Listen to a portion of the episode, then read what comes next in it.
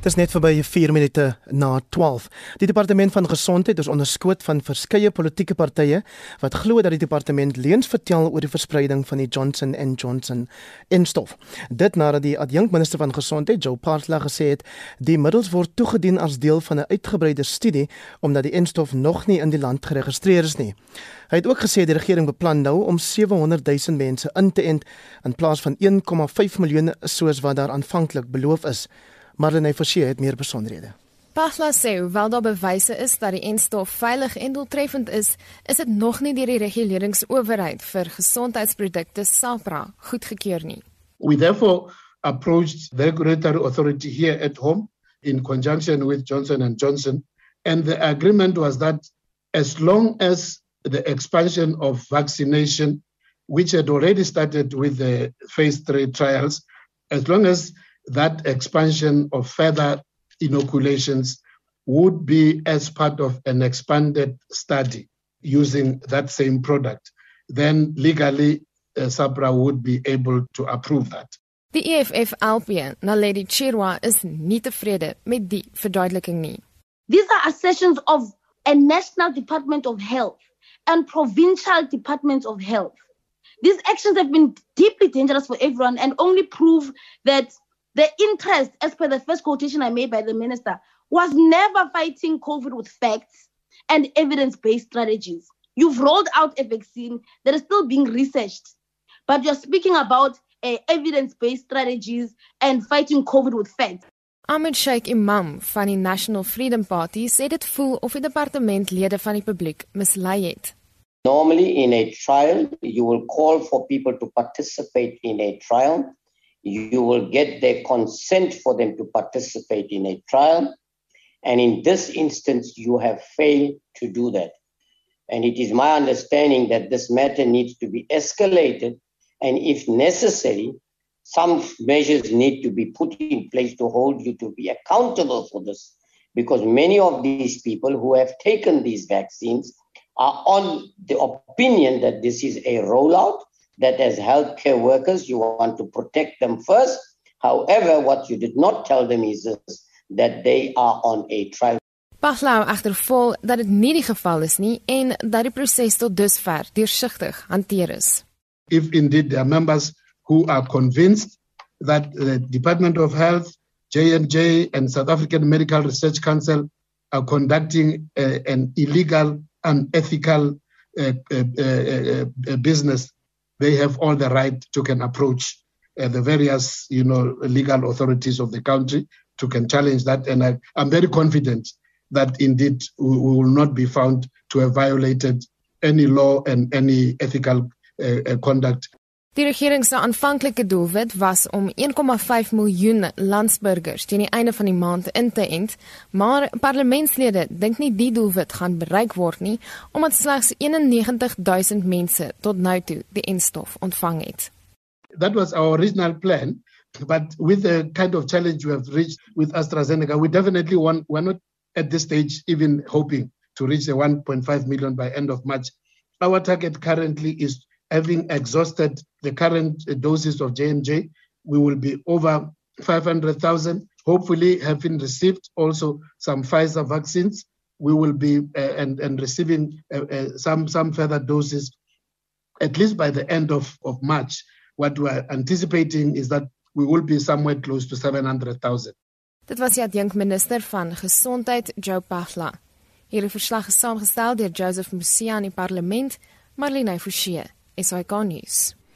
Byna 9 minute oor 12 hier op Naweek Aktueel. Die eerste COVID-19 geval in die land is gister presies 'n jaar terug aangemeld en binnekort herdenk ons 'n jaar van inperkingsregulasies. Die sielkundige uitwerking van die voortsleepende onsekere tye begin egter sy tol eis op landsburgers se geestesgesondheid. Verskeie kenners waarsku in mediaberigte dat die behoefte aan sosiale interaksie by die dag toeneem. Vir sy mening oor die saak praat ons nou met 'n kliniese sielkundige verbonde aan Noordwes Universiteit se Instituut vir Siel sielkunde en welstand professor Pieter Kreer. Pieter, goeiemiddag. Wat is die sielkundige impak van hierdie inperking oor die afgelope jaar op mense? Middag Heinrich en dankie vir die geleentheid om te gesels.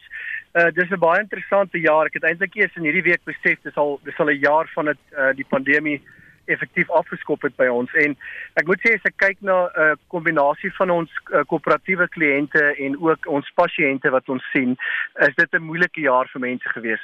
Ek dink 'n groot faktor was die tekort aan tydsperspektief gewees, maar ons kan sien dat eintlik uh, die die volgende vlaag wat blyk om dit rond te doen is die hele probleem rondom geestesgesondheid. Uh mense raai punt bereik van dis dit is te veel dit hou net aan daar voel nie vir einde in sig is nie en ons sien tog 'n groot verskil in die angsvlakke en die algemene gemoed van mense op hierdie stadium. Pieter Suri hoof van strategie vir die Canary Wharf groep in Brittanje sê mense wil teruggaan kantoor toe. Dis iets wat ons daagliks ook hier hoor. Hoe belangrik reken jy is dit vir ons geestesgesondheid om daai interaksie met kollegas in 'n kantoor opset te hê? Uit die aard van die saak is dit 'n baie belangrike aspek. Bedoel as mense is is ons sosiale wesens en ons is nooit gemaak om in isolasie te funksioneer nie. Ek dink persoonlikheid speel tog wel 'n rol. Mense wat baie meer van nature um introverte is, kan baie langer op hulle eie uh, oor die weg kom, waar jou tipiese meer ekstrovert persoonlikheid trek beskrikkelike energie uit 'n interaksie met mense. Maar 'n baie interessante belangrike faktor is iets wat ons die oksitosien effek noem. Dis 'n chemikalie wat in die brein afgeskei word wanneer ons hoë kwaliteit ehm um, oordentlike interaksie met mense het en dit dit het ons 'n baie interessante impak nie net op gemoed nie maar op goed soos kreatiwiteit en innovering. So hierdie feit dat ons heeltyd deur twee dimensies met mense kommunikeer, het definitief op verskeie vlakke impak op ons en ons sien nogals in groot skaalse ehm um, getalle hoeveel mense begin die die behoefte begin te kry net in 'n vorm ten minste al is dit in 'n in 'n hybrid tipe van model om weer terug te kom in 'n werksomgewing. Beteken dit daai oksitosien is afwesig wanneer daar virtuele vergaderings gehou word? Dit is baie moeilik. Dit is interessant die navorsing daar rondom om regtig daai verskriklike oksitosien afskeiding te kry sonder menslike kontak. Byvoorbeeld, ek bedoel jy jy kan deur 'n 'n goed geplaaste of regte opmerking kan so iets in die brein vrystel of 'n 'n vriendelike gesig Maar baie keer kom dit by fisieke aanraking. Iets so eenvoudig soos hmm. om iemand se hand te skud. Iets so eenvoudig soos om iemand die um, spreekwoordelike um, pat op die rug te gee. So daai deel mis ons en om heeltyd in twee dimensies met mense te werk waar jy basies hulle boonste kwart sien, het ook 'n reuse impak op ons vermoë om om liggaamstaal te lees en al hierdie faktore laat die brein net soveel harder werk. Dit beteken ons word gouer moeg. Jy jy jy voel jy kry die vol prentjie nie en ons ook ons mis daai satisfaksie van werklike menslike interaksie. En jou wenke of raad aan mense wat nou al bietjie raad op is, moeg is van van die huis af werk. Dis 'n verskriklike moeilike een want ons opsies is beperk. Nou dit help dat ons half terug is in in vlak 1 van die inperking, so daar's 'n klein bietjie meer beweegruimte, maar al is dit in in veilige klein doserings, dink ek is baie belangrik vir ons om ten minste met die mense naby aan ons daai kwaliteit tyd deur te bring. Ek praat nie net van dieselfde uh, spasie te okkupeer waar ons weet ons sit daar en elkeen is op sy foon besig nie. So ek dink daai tipe van kwaliteit interaksie waar jy met iemand gesels, tyd spandeer, uh, uit die hart van die saak moet, ons veilig bly en die die die riglyne nog steeds nakom. Maar ek dink hoe, hoe meer ons kan begin wegbeweeg van uh grootendeels tweedimensionele kommunikasie oor 'n plat skerm en hoe meer ons tyd bietjie saam mense kan deurbring, hoe beter gaan dit vir ons wees. So op Spectrum gistermiddag Pieter het ons met 'n paar mense gepraat wat COVID opgedoen het en een van die raakpunte is dat hulle praat oor hoe dat jy amper asof jy 'n melaatse is gehanteer word deur mense wanneer dit onbekend word dat jy wel die virus opgedoen het. Hoe maak jy as almal by die werk weet dat jy die virus gehad het en nou moet jy terug kantoor toe? Dis dis 'n baie interessant een. Ek moet sê binne my uh, professionele groep en ook vriendegroep was daar 'n hele klomp mense gewees wat wel die virus opgedoen het. Um, ek moet daarom sê gelukkig niemand van hulle het ernstig siek geword nie. Ek dink daar's mense wat nie so gelukkig was nie, maar dit hang verskriklik af. Ek het nou oor die hele spektrum gesien. Jy kry mense wat so paranoïed is dat hulle nie met 'n stok aan jou wil raak nie en selfs vir 5 weke na die tyd nie naby jou wil kom nie. Tot mense wat amper 'n klein bietjie um, uh, agterloosig is en en min oor hierdie goed omgee. So ek dink nogals ons sien die hele spektrum. Daar's geen bewyse wat ek kon sien op hierdie stadium dat dit weet 'n uh, uh, eenrigting benadering is wat almal so hanteer word nie. Uh, maar ek dink dit hang baie seker af van die individu, weet en wat se tipe van risikogroep jy val en dan ook jou persoonlike ingesteldheid oor hoe bekommerd jy oor die virus is. Uh vir die mense wat wel daar is seker mense by die kantoor wat daai tipe van bekommernis het. Ehm um, kom ons wees maar bedagsaam en ons um, probeer ons afstand hou en ons probeer ons maskers dra en ons maak hulle nie onnodig angstig nie. Maar ek dink die belangrikste ding vir my op hierdie stadium is erns erns moet ons aangaan met die lewe ons kan nie vir altyd in 'n in 'n staat van ehm um, angs en paniek gaan sit oor wat moontlik kan gebeur nie. So die mooi Engelse term sê reasonable precautions. So wat wat is die redelike uh ehm um, uh, weet ek sukkel nou om die Afrikaans woord daarvoor te kry, maar voorsorg wat ons kan tref. Ja. Om om seker te maak dat ons ons bly veilig, maar ons kan nie kluisenaars word en ophou lewe en ophou uitgaan as gevolg van die, die virus wat mens moontlik kan optel nie. Baie dankie dit aan professor Pieter Kreer, 'n kliniese sielkundige aan die Noordwes Universiteit se Instituut vir Sielkunde en Welstand. Die horlosie staan nou by byna kwart oor 12 en 'n groep begunstigdes van maatskaplike toelaas in Mosselbaai in die Suid-Kaap sukkel blykbaar al enkele maande lank om hul toelaat te ontvang. Die politieke party Ikosa het die kwessie nou na die Menseregte Kommissie verwys en ons praat nou met die party se Weskaapse leier, David Kamfer. David, goeiemôre. Watter soort toelaat is hier ter sprake? Goeiemôre, Heinrich. Goeiemôre, uh, luisteraars. Eindig ja nie ons praat hier van uh, die toela van kindertoela, uh, ou mens pensioen en dan daar was verskillende toelaas wat mense op die oomblik kry. So ons praat van verskeie toelaas van van mense. En hoe het die saak onder julle aandag gekom? Man, Heinrich, baie kort en kragtig. Iemand het my gebel en gesê dat hulle dat hulle sukkel die hele tyd met die probleem dat mense nie gepay het nie. Ehm um, Ek het gesê ek ek sou ondersoek doen rondom die aangeleentheid. Ek het toe aansoek uh, ondersoek gedoen en uitgevind dat dit dat dit 'n eintlik 'n uh, krisis is. En ek het verskeie mense gekontak rondom die aangeleentheid en ek het begin meer uitvind en ek het geen keuse gehad om dan die menseregte kommissie onder andere meneer Chris Nissen te kontak nie. En uh, wat is dit wat julle vir die Menseregte Kommissie gesê het en wat was hulle reaksie daarop? Man, ek kan sê eintlik op die stadium, ehm um, het hulle nog nie teruggekom na ons toe nie. Uh, ek het persoonlik op drie geleenthede ek met meneer Nissen gepraat. Ek het beloof dat die ding op 'n uh, uh, ernstig is en hy gaan die ding op 'n hoë vlak aanspreek. Um, um, Heinrich, want dit is onaanvaarbaar en sy woorde aan my was verlede Dinsdag, dis skokkend dat hy hoor. David, jy sou ook gister by die plaaslike SASSA kantore besoek afgelê het. Wat was die uitkoms daarvan? Die uitkoms eintlik uh, wat daar was, uh, hulle het verduidelik dat hulle vir die laaste van die vorige dokter dood was. Het hulle nog 'n dokter gehad die die probleem die, die hulle moet die procurement uh, proses gaan en en dat um, en dat en, en, en ons weet almal hoe moeilik dit is.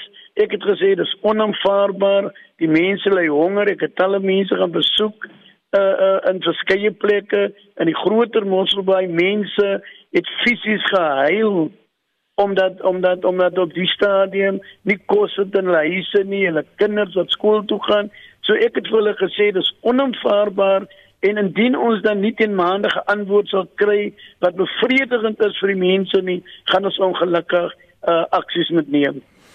David, het jy enige idee persentasie gewys van hoeveel mense daar in die Suid-Kaap op hierdie maatskaplike toelaas aangewese is?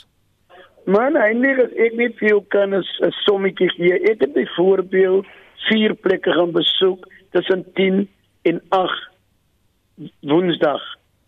En almal kon nie want ons kon nie boodskap by almal uitgekry het nie.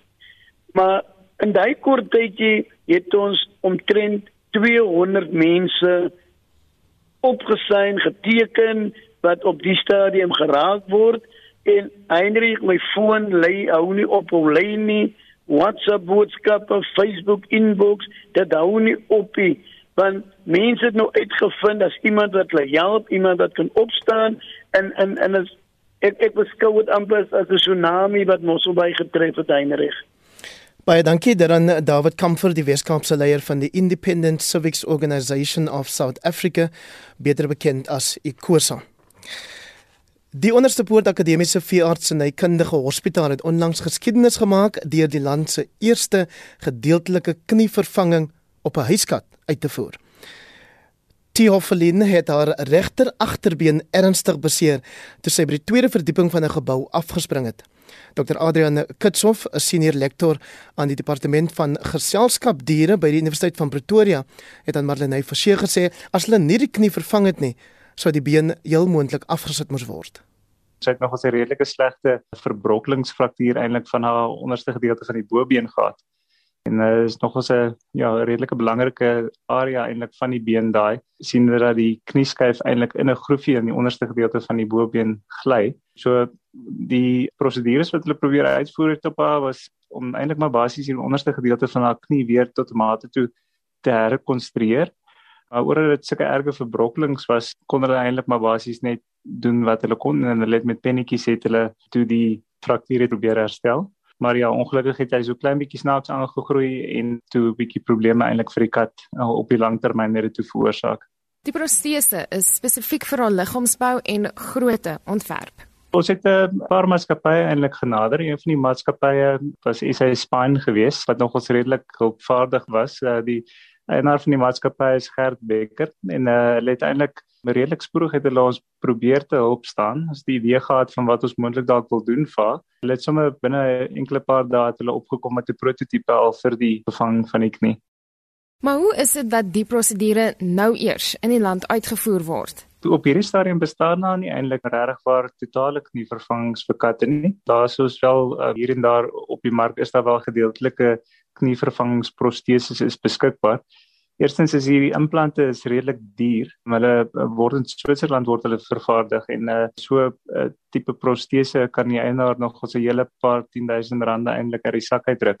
Tweedens is dit nog ons 'n moeilike ding eintlik om een tipe protese te probeer ontwikkel want veeartseny anders as wat menslike geneeskunde en chirurgie is, kry ons te doen met nog ons 'n redelike groot verskeidenheid en groot diere ook. So van die katte kan tot en met 15 kg weeg of selfs eintlik meer as dit en party katte kan selfs so min as 2.5 kg weeg. So dit selfs met honde ook. Ek meen ons kry klein chihuahuatjies en mense kry weer groot Great Danes. So meeste van die goeders moet eintlik maar basies op 'n individuele basis moet dit eintlik maar vervaardig word. Die materiaal wat gebruik is om Tiafelin se protese te vervaardig is volgens Kitshof tog goedkoper in vergelyking met ander soortgelyke produkte op die mark wat uitbreiding van die proses kan aanmoedig. Daar is nog 'n hele paar honde wat ek dink ons al van tevore gedoen het wat eintlik baie kan baat by hierdie tipe implante. Daar's sekerlik baie honde wat eintlik kongenitale abnormaliteite eintlik kry van die knie en dit op sigself kan veroorsaak dat die knieskyf eintlik al semi-permanent eintlik buitekant die groef is. So by honde wat gebore word met 'n knieskyf wat eintlik al klaar uitsit, het hulle baie keer glad nie 'n groef nie. Dit maak dit dan baie moeilik gedurende die herstelproses om dan weer 'n groef te vervaardig en ek dink vir daai subpopulasie of groep van honde uh, sowel as katte is dit eintlik 'n baie baie goeie tegniek eintlik om te gebruik. Hy sê verder dat troeteldier eienaars deesdae nie skroom om 'n ekstra myl te loop om hulle diere te help nie die diere het meer van companions eintlik geword vir mense. So ek dink mense besef deesdae eintlik meer die nut van diere. Baie mense sukkel met allerlei psigologiese probleme en onder kan katte ook kan sekerlik mense bystaan in redelike swaar tye. Maar ek dink die mense op sig is eintlik baie opgewonde vir ons en ek dink uh, die opgewonde spruit ook daaruit dat ons eintlik maar basies 'n katjie in nood kon gehelp het. Ek dink baie mense simpatiseer baie keer daarmee dat hulle moontlik dalk op 'n stadium dalk met dalk dieselfde tipe ding te doen gekry het en en ongelukkig nie die opsie gehad het om om wel so iets te doen nie. Dit was Dr Adrian Kitshoff, 'n senior lektor aan die departement van geselskapdiere by die Ondersepoort Akademiese Veeartsenykundige Hospitaal aan die Universiteit van Pretoria. Marlene Forsie is hy konus. 23 minute oor 12 en in ons weeklikse motorrubriek bespreek Wessel Pretorius 'n luisteraarsbrief.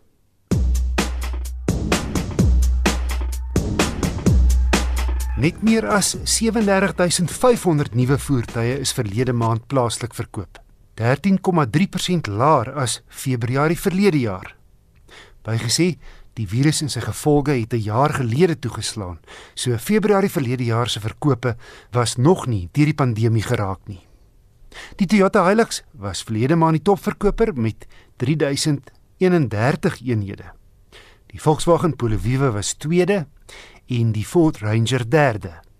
Suzuki verdien spesiale vermelding met 'n verkoopsrekord wat hom verlede maand 6de algeheel geplaas het.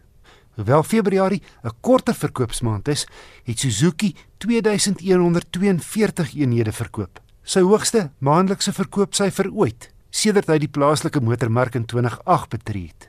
En dit kom net 4 maande nadat hy deur die 2000 kerf gebars het. Sy beste verkoper was die Swift met 945 eenhede. Die vervaardigers wat beter as Suzuki gevaar het, was Toyota, loshande die topverkoper, gevolg deur Volkswagen, Ford, Hyundai en Nissan in die 5de plek.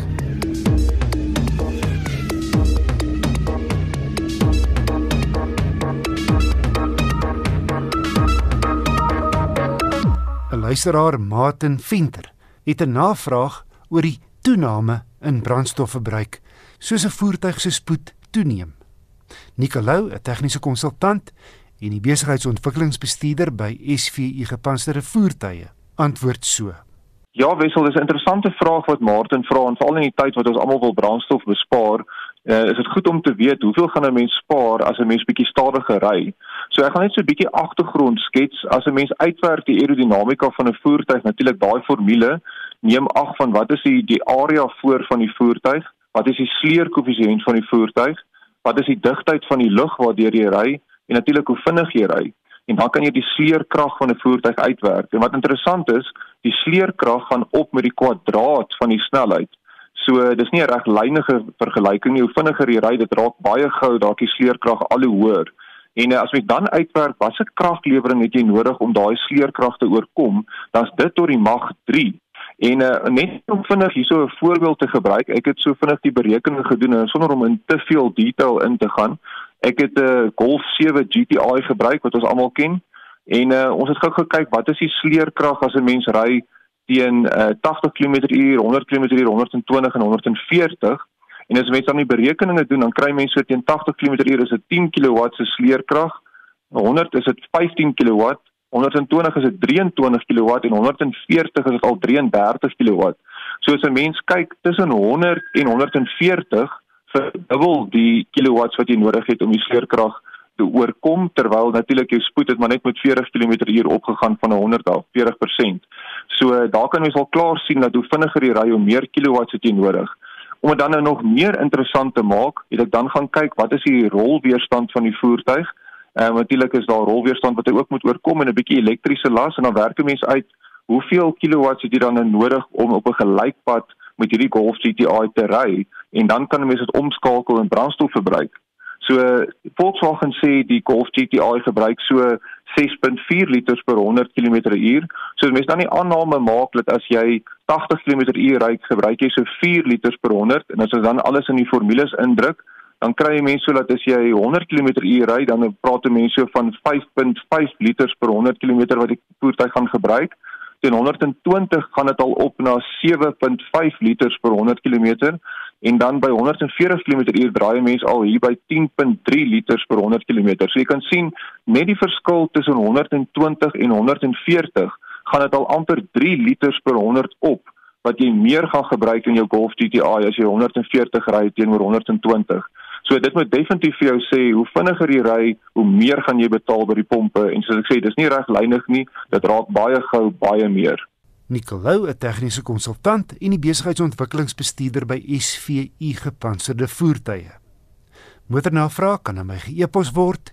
Stuur na wissel@rsg.co.za.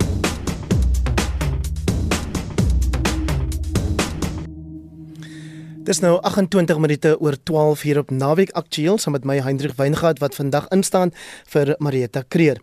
Nou kunstenaars het teen die einde van Februarie 'n petisie opgestel waarin hulle gevra het dat teaters tydens die inperking weer hulle deure kan oopmaak. Hulle wens het intussen waar geword en produksies is weer landwyd op die planke, maar is dit te min te laat? Vir sy mening hieroor praat ons met Frans Swart van Lefra Produksies. Frans, goeiemôre en baie welkom. Hallo Hendrik, lekker om met julle te gesels. So die voormalige openbare beskermer advokaat Tuli Madonsela gebruik dikwels die gesegde dat vandag beter is as gister. Is dit ook vir julle die geval? Want vandag is beslis beter as gister, maar soos jy sê, dalk te laat. Ons ouens in die teater is maar altyd vegters en uh ons maak maar altyd uh allerlei planne. Ehm um, maar jy, jy weet wat vir my uh verstand te bowe gaan. Toe ons op vlak 2 was, kon ons 50% van teater speel tot 200 mense. Nou is ons op vlak 1 word ons beperk tot 100 mense. Uh binnenshuis en dan 200 uh 250 mense buitenshuis. En dit maak glad nie ehm um, uh, vir vir ons sin op hierdie stadium nie. Uh dit is natuurlik glad nie ekonomies lewensvatbaar om 'n uh, veral groter produksies vir 100 mense aan te bied nie. Jy weet op 'n stadium was ons nou beperk, soos jy sê vandag is beter as gister. Ons was beperk tot 50. Uh nou alle teaters of meeste teaters het hulle deure moes sluit want jy kan net nie 'n teater oopmaak um vir 50 of selfs 100 mense nie. Net net jou infrastruktuur, die mense wat um in die teater uh, werk en wat moet betaal word, is baie duurder as wat daai inkomste is wat jy van 100 mense uh kry. So ons is glad nie tevrede met die 100 mense nie. Uh soos ek nou gesê het, uh dit maak glad nie sin nie. Ehm um, as as 'n mens konsekwent sou wees, dan moet ons uiteindelik op vlak 1 meer as 200 mense uh kon wees. Jy weet in ons ouens wat in die teater werk, ons sê altyd ehm um, dat teatermense is uh meeste van die tyd verantwoordelike mense. Ons het gesien in die tye toe ons vir 50% kon speel, uh mense het nie eers hulle maskers afgehaal nie. Ons het ehm um, goeie sitplekke tussen mekaar gelos, so daar was sosiale afstand. Uh al al die regulasies is is by die boek uh uh uh, uh deurgevoer. Ja en ehm um, dit dit was regtig vir ons alhoewel dit op baie stadium al klaar 'n uh, baie moeilike situasie was. Uh jy, jy weet dan ook jou beplanning. Geen mens kan 'n beplanning tans doen nie want ek meen ons almal uh, hier by Lefratos byvoorbeeld groot die Grotman 2 gehad by Atterbury en die die president het net gekom met immediate effect dan moet jy skielik ehm um, ander planne maak. Jy jy moet skielik ehm um, teruggaan na 50 mense of na 100 mense toe. Uh so niks uh op hierdie stadium kan beplan word nie. Dit dis 'n baie groot frustrasie. Uh sê vir my Frans, is is die aanvraag steeds so groot soos wat jy dit ervaar het voor Covid? Glo so, ons glo dat mense graag wil uitkom. Natuurlik is daar mense wat maar bangerig is. Ehm um, maar ons het gevind uh die die tye wat ons wel vir uh, vir die 100 of of 50 gespeel het. Uh ek ek neem byvoorbeeld ons is betrokke nou by Kamphoer by die Markteater 50 mense. Nou om, om 50 mense uit te verkoop is is is glad nie moeilik nie. Ja. Maar ehm um, ons kon nie voorbly nie. Ek ek meen die die produksie is omdat ons net vir 50 mense kon speel is is dit omtrent 2, 3 weke voor die tyd uitverkoop. Ja. En dan is die frustrasie jy het daai aanvraag maar jy kan nie meer mense inlaat nie. Frans, wat wat sê julle eie projeksies? Hoe lank gaan dit neem om hierdie finansiële skade en werkverliese te herstel? Ja, mense besef nie altyd hoeveel mense in teaters werk. Jy weet ons ons dink aan die akteurs, die sangers, musikante, maar dan is daar soveel backstage mense, die verhoogbestuurders, die plekaanwysers, die kroegmanne. Ehm um, daardie mense sit tans totaal sonder werk. Jy jy weet ons moet byvoorbeeld ehm um, Smokey het ons nou al vir die derde keer uitgestel. Ons het hom nou uitgestel na Oktober 2021 ek raak skoon die mekaar met met al die jare soos wat ja. ons goed aanskuif uh en probeer red en elke keer kos dit geld. So op op hierdie stadium kan ek vir jou sê dis dis totaal negatief. Ons op die Waterkunstefees byvoorbeeld is is nou uitgestel met Januarie 2022. Nou net die verlies wat uh aan belastings byvoorbeeld net met ons twee vaarte is um 4 miljoen rand net aan belastings vir daardie vaarte. Nou MSC Cruises byvoorbeeld het 200 vaarte. Uh die regering verloor 8 miljard rand. Uh net deurdat hulle onbevoeg is om 'n besluit te neem. Um daar is heel heeltemal 'n nuwe uh um uh, strategie uh vir cruising byvoorbeeld wat um MSC in Italië baie goed ehm um, uh in in Europa baie goed doen dat elke persoon wat op die skip gaan uh word voor die tyd getoets en net uh mense wat uh COVID negatief is mag op die skip gaan. So ja. uh dit is in alle geval daai bubble is dan veiliger as byvoorbeeld 'n 'n winkelsentrum. En dit gaan my verstand te bowe as 'n mens kyk na kuierplekke. Jy weet daar daar is baie keer ehm um, mense sien oral uh baie keer 1000 mense sonder 'n masker, sonder sosiale afstand. Uh dit word toegelaat, dit word glad nie beheer nie. Maar dan ons kuns en kultuur word hierdeur uh, erg geraak en, en dit is dis 'n baie uh uh um sad dag. Jy jy weet en, en daar is ook 'n petisie van net om net met mense ook praat. Ons petisie oor die oopmaak van teaters is nog aan die gang. Uh ons het binne die eerste 10 dae het ons al 8000 handtekeninge gekry. Ons vra tog dat mense dit sal teken baie maklik sommer op ons webtuiste www.lefra.com of mense kan maar net gaan uh, Google ook Open Theatres petition. Maar daar is ook 'n petisie wat tans aan die president uh, oorhandig is um, om te vra dat die die agbare minister van kuns en kultuur na die Ntetwa uh dat hy bedank. Ehm um, daardie petisie is al reeds by die president en uh want hy is totaal onbevoeg om vir die kunste op te staan en vir die kunste te veg. Want uh sy gewraakte uh, uh Twitter en en soos my goeie vriend Ismail Mohammed gesê het ons ons kan hom vergewe maar ons kan nie sy onbevoegdheid uh vergewe uh jy weet daar word tyd skielik na daardie gewraakte uh uh tweet het hy verskoning gemaak en gesê die die derde ehm um, uh subsidie of hulp uh gaan nou gefaastrek word. Daar is glad nie gefaastrek nie. Ons ouens wat in die kunste is, het almal aansoek gedoen. Niemand van ons het nog eers 'n bevestiging van ons aansoek ontvang nie. Jy weet, nou ja. praat ek met mense in Engeland wat waar die kunstenaars en en uh kunstebestuure 80% van hulle salaris ontvang van die regering. Ja. So daar is tans is is daar maar 'n negativiteit oor teaters in Suid-Afrika. Frans baie dankie vir jou tyd en baie sterkte aan jou en jou kollegas in die kunstebedryf. Die Nasionale Kunsraad het intussen erken dat hy lelik met die toekenning van noodfinansiering aan Suid-Afrikaanse kunstenaars droog gemaak het en die mense hoop dat dit 'n verskil sal maak. Ons bly by die tema van kunste om 'n rolprent 'n rolprent liewer op eie houtjie net jou eie sak te vervaardig is beslis nie kinderspeletjies nie. So sê Derek Miller, die skrywer, mede-vervaardiger en regisseur van die eerste Afrikaanse wetenskapsfiksie rolprent met die titel Wesens.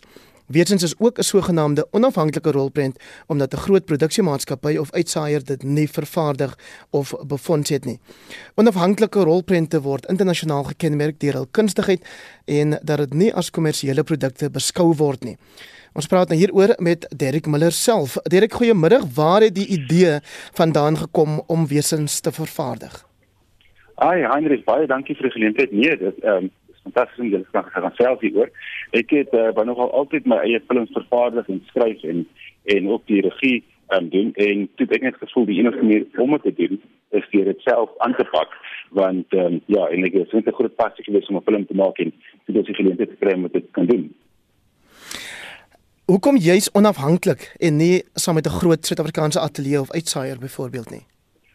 Wel, dit is baie moeilik om iemand te ooreed om vir jou as jy nog nooit 'n film vervaardig het nie om vir jou befondsing te gee om jou eerste film te maak. So dit ons sê die enigste manier om te doen is as ons die eerste een self doen sodat jy kom natuurlik met 'n kopseer en jy moet die begroting baie duidelik uitwerk en uit uitwerk hoe jy hom gaan sny en waar jy gaan sny om te seker maak dat die produkte wins maak op die ou end. nie veel geld kos nie. En vir ons wat nou nie so ingelig is hieroor nie, wat is van die voordele en uitdagings verbonde aan so 'n projek? Uh, daar is baie uitdagings. Die grootste een is dat ons die die draaiboek moes skryf met 'n met 'n begroting in gedagte. So ek het ehm um, ek het self gegaan en die die navorsing gedoen om te sien wat 'n film kan maak ehm um, en verslae getrek aanlyn en gesien wat 'n Suid-Afrikaanse film kan maak en eintlik ons begroting daarop gewerk en toe die die die draaiboek geskryf met dit in gedagte, met 'n begroting in gedagte. Ehm um, so dit is dit maak dit 'n baie groot uitdaging om binne 'n 'n kleiner begroting te werk, maar die voordeel is dat jy 'n uh, algehele kreatiewe vryheid het. So jy kan doen wat jy wil, dat niemand wat jy sê hoe om so iets wat spesifiek so is of gerig is vir hierdie mark nie. Jy kan iets doen uh, wat uit jou uitkom, so wat wat fantasties is. En hoe maak mense met die verspreiding van so 'n rol, rolprent? Ehm um, daar's daar's um, plaaslike verspreiders deur wie jy 'n film kan versprei, maar ek en Karen, uh, my vrou wat ons het saam 'n film vervaardig en ons het gevoel ons wil die hele proses verstaan van die begin af tot die einde. So ons het self ehm um, al die ehm um, ons het die teaters gekontak, hulle die film gewys. Ons het self ehm um, die verskillende TV-kanale en die digitale platforms gekontak en hulle gevra ek sal die film kyk en ons het letterlik alles self gedoen en self aangepak die verspreiding. So dis dit is natuurlik baie meer werk, maar dit is 'n um, verskriklik 'n um, goeie leerskool vir ons gewees. Uit jou ervaring uit 'n uh, uh, Derek sou jy sê dat daar 'n vermaaklikheidsmonopolie in Suid-Afrika bestaan? Uh, ek ek ek dink omdat ons mark so klein is, ehm um, voel dit soms kan dit soms voel dat daar dalk ehm um, net 'n paar mense wat al die films maak, maar ook die realiteit is dat daar nou so baie ander platforms hier wat waar jy jou films kan uitkry daar buite en ons verskillende digitale platforms. So ek dink dit is definitief daar's nie 'n dit voel dalk seker soms of waar om dit nie is, maar daar's definitief baie meer geleenthede en baie meer platforms vandag wat vir almal amper geleentheid kan gee om hulle films op buite te sit. Jou advies aan kunstenaars wat soos jy die dapper stap neem deur 'n projek op eie houtjie aan te pak? Ehm um, ek sou sê mense moet eers die begroting doen uh, en en eers die beplanning om die begroting doen en en bereid te wees om daai geld amper af te skryf want uh, 'n film is so sensitief ding dis amper soos om 'n bord kos iemand te maak en dan dan dan gee dit baie veel gee hulle dan sê hulle o maar ek het nie hoender nie of ek het nie dit nie en dan skielik het jy nou die bord kos gemaak wat niemand wil eet nie yeah. so ek dink ehm um, jy moet bereid wees om daai geld af te skryf en ook verskriklik baie navorsing doen oor ehm um, wat dit behels en wie 'n mark is en hoe jy dit kan aanpak. Ja. Vertel gou vir die luisteraars vinnig waarna hulle kan uitsien in wesens. Uh so wesens is 'n 'n wetenskapsfilm wetenskapsfilm soos jy genoem het. Ehm um, en wat dit is is dit hierdie hierdie voorwerp wat geland het op boer se plaas in die 1960s en ehm um, ons volg in die film vier intelligensiediens agente wat gaan ondersoek instel oor wat hierdie is. En vir die hele film deur die 90 minute lank probeer jy as die kyker uitwerk en uitvind wat hierdie ding is. En eers in die laaste oomblik um, word dit duidelik wat hierdie is. So dit is 'n dis 'n lekker so 'n misterie om om om die film wat dit interessant maak. Baie baie dankie vir jou tyd en baie sterkte Derek Miller is die regisseur, die skrywer en die mede-vervaardiger van die onafhanklike wetenskapsfiksie rolprent Wesens. Die marine bewaringsgebied van die Namibiese eilande is een van die grootste marine bewaringsgebiede in Afrika en beslaan sowat 25% van die Namibiese kuslyn. Nou weet ons boonop dat dit bewoon word deur minstens 1600 van heaviside se dolfyne en sowat 3500 Afrika val dolfyne. Een van die navorsers op die projek is die mede-direkteur van Sea Search en die Namibiese dolfynprojek Simon Elvin. Hy het aan Marlene verseker gesê dit is belangrik dat ons weet hoeveel dierspesies in die gebied voorkom om bewaringspogings te versterk. is really the, the, first step in being able to understand if uh, numbers are being affected, if uh, human activities are decreasing those numbers, or conservation actions are helping the population recover. The Namibian Islands Marine Protected Area was only set up in 2009 after quite a, a long process and was driven very much by the seabird colonies in that area because Namibia only has a few islands and they're all fall within that marine protected area but it also covers an area that is essentially the middle of the Benguela ecosystem. And so it's potentially incredibly important for the two dolphin species that we've been studying, the heavisides and the dusky dolphin. It's basically the middle of their range, halfway between Namibia and South Africa. Die navorsingsgroep het saam met die Namibiese Departement van Visserye en Marine Hulpbronne gewerk om die bevolkingsgetalle te bepaal. Alwen sê hulle was nie verras deur hulle bevindinge nie. Dis egter nie 'n maklike taak nie. So the method we used in the surveys was by using a ship and using acoustic methods. It allowed us to survey continually overnight in, in bad weather like mist or choppy seas. And, and we could survey much deeper than we could using a small boat and at night. And so it really allowed us to get a completely different perspective and generate a much uh, a more rounded picture of what the animals were doing. 'n Stel hidrofone of onderwater mikrofone is agter die boot aangesleep om dolfynklanke waar te neem. En die data is gebruik om te bepaal hoeveel dolfyne daar is. The two methods, the visual method and the acoustic method, are, are very complementary because you, you obviously can get things like group size and confirm species easily with a, by seeing animals, but you can't look at night. Whereas the acoustic method sometimes detected animals that we didn't see And, and so Morgan Martin, who was the PhD student who worked up the data, did a really good job of, of combining the two data sets and essentially using them to cross check each other. And it's, it's really one of the first times that approach has been used. Die boot wat ingespan is, is gebruik om voorrade na die relevante eilande te neem en party dae het dit maar moeilik gegaan. Crew were very used to working inshore and they were really good at that. They weren't used to driving straight lines in the middle of the ocean at night. So, so we had to keep a close eye on the navigation. And because we were working 24 hours a day, it, it got quite exhausting. So the longest surveys we were doing were only about three days. And then the logistics would kick in, the next storm would come through, or the ship would have to do something else. So relatively short sea trips, but a small and very rolly ship. So really are physically quite tiring doing 24 hour shifts for three or four days in a row. And, um, but we've got to see some incredibly beautiful stuff. It's a really untouched part of the world in many ways. Maar besonderse oomblikke het dit alles die moeite werd gemaak. The dolphins are always great, and, and yeah, of course, and, and they, they come in and bow ride, which causes its own problem. They come and like ride the, the wake of the ship, and that's not actually good for counting them.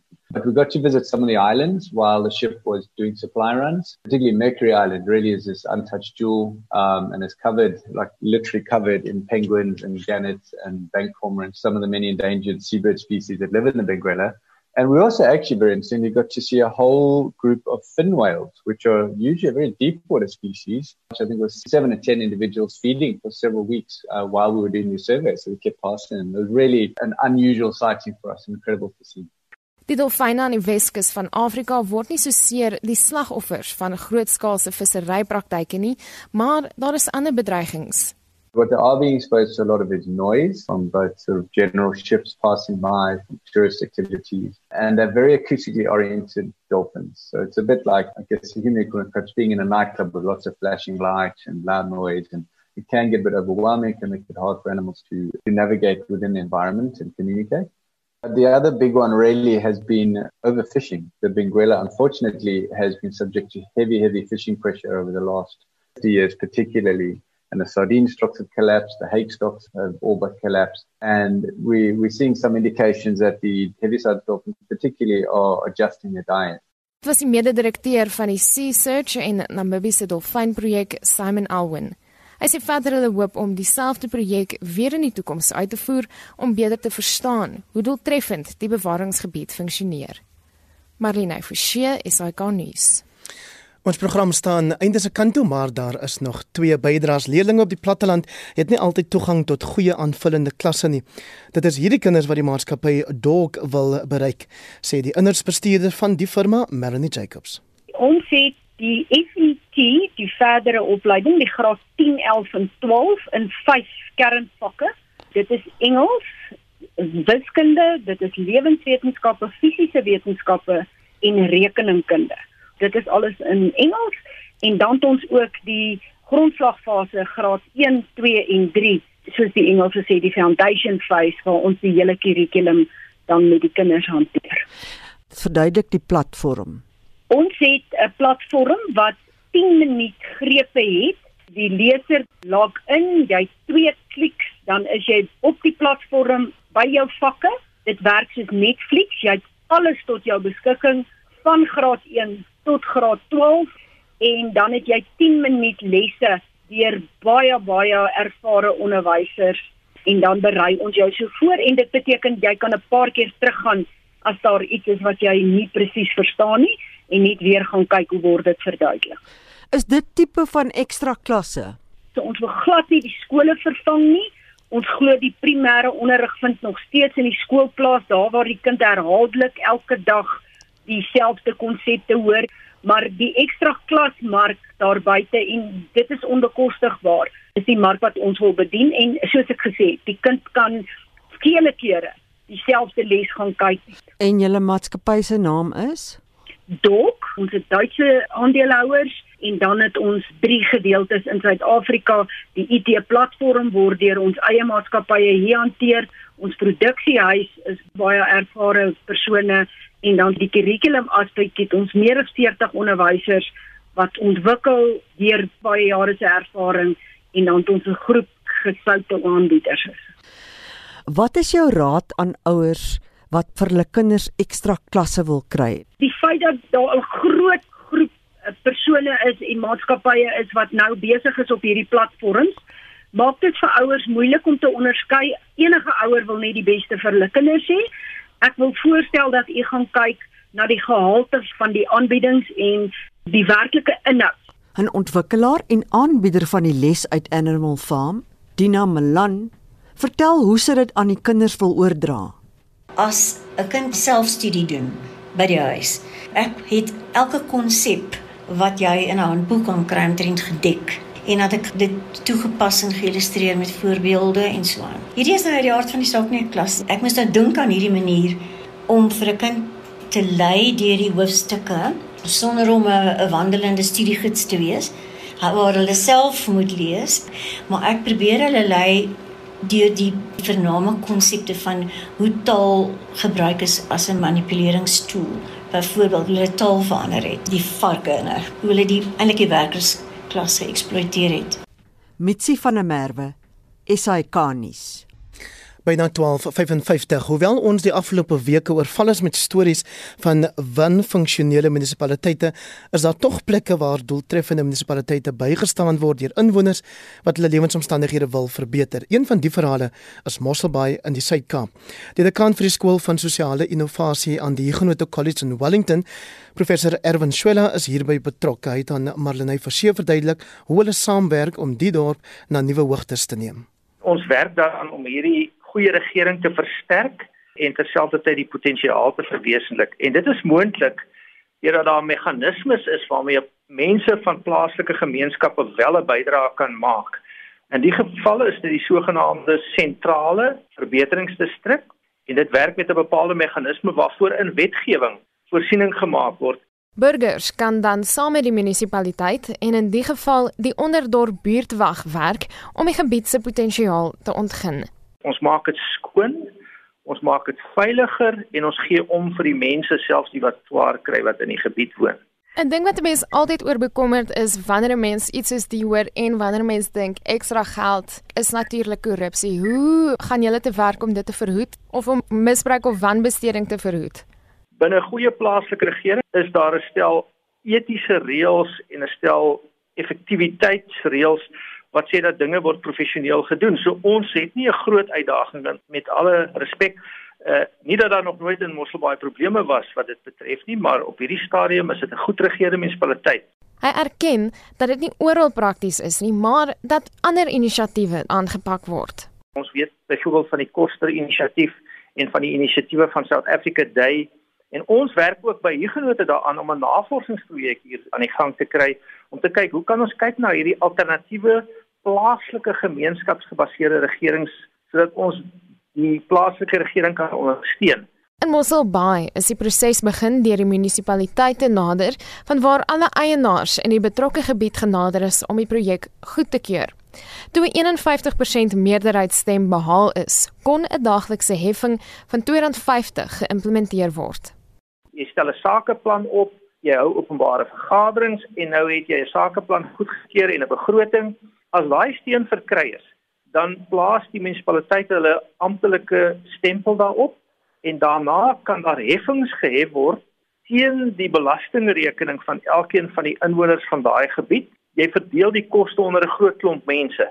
In my geval betaal ek R2.50 'n dag vir die diens so omtrent 'n kwart van 'n koeldrank se prys as ek dit reg het. En ons kry daarvoor fenominale ekstra dienslewering. Volgens hom is daar verskeie voorbeelde in die Wes-Kaap waar hierdie praktyk suksesvol toegepas word. Die grootste een in die land was ek vroeër by betrokke, dis die Voortrekkerweg stadsverbeteringsdistrik. In die Bellville omgewing is daar twee residensiële stadsverbeteringsdistrikte naamlik Boston en Welgemoot. Daar's eene wat genoem word die lughawe korridor rondom Kaapstad internasionale lughawe. Kaapstad het dit begin 'n uh, hele aantal jare gelede en groot gedeelte van die terugwen van die middestad van Kaapstad wat 20, 30 jaar gelede ook eintlik aanduidings van stedelike verval gehad het, het te maak met die suksesvolle werking van die stadsverbeteringsdistrik. In Mosselbaai is die plaaslike ekonomie volgende op die verbeteringsdistrik se agenda. Mosselbaai is propvol met skepende mense Ek wil kyk of ons nie van Mosselbaai 'n soort kern kan maak vir kreatiewe mense op daai gebiede nie en dan vir hulle eintlik virtuele markte begin skep. Dat jy nie net binne die Mosselbaai se geografiese gebied rykwyte het nie, maar wêreldwyd. En ek het byvoorbeeld uitstekende samewerking nou van die departement kultuur en sport in die Weskaap, minister Anru Mare en haar amptenare om te kyk of ons die Jas Museum ook kan gebruik in hierdie opset. So dis 'n samewerkingspoging van almal betrokke wat op 'n visionêre manier die wêreld 'n beter plek wil maak en in ons geval Mossel Bay. Dit was die dekaan vir die skool van sosiale innovasie aan die Genote College in Wellington, professor Erwin Schwella. Marlene Forsie, SAK nuus. En soos wat jy dalk vroeër in ons program gehoor het, sal professor Erwin Swela môre aand om 8uur deel uitmaak van die paneel op kommentaar saam met JP Landman en Crystal Oderson. Ek sal julle dan weer geselskap hou. Dit was 'n voorreg om vanmiddag in te staan hier op Naweek Aktueel.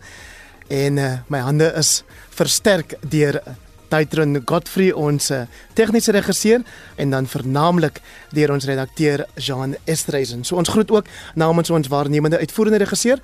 Hy is Wessel Pretorius en jy het gehoor dat hy weer sy gereelde motorrubriek vroeër aangebied het. Dis nou byna 1uur. Geniet die res van jou naweek.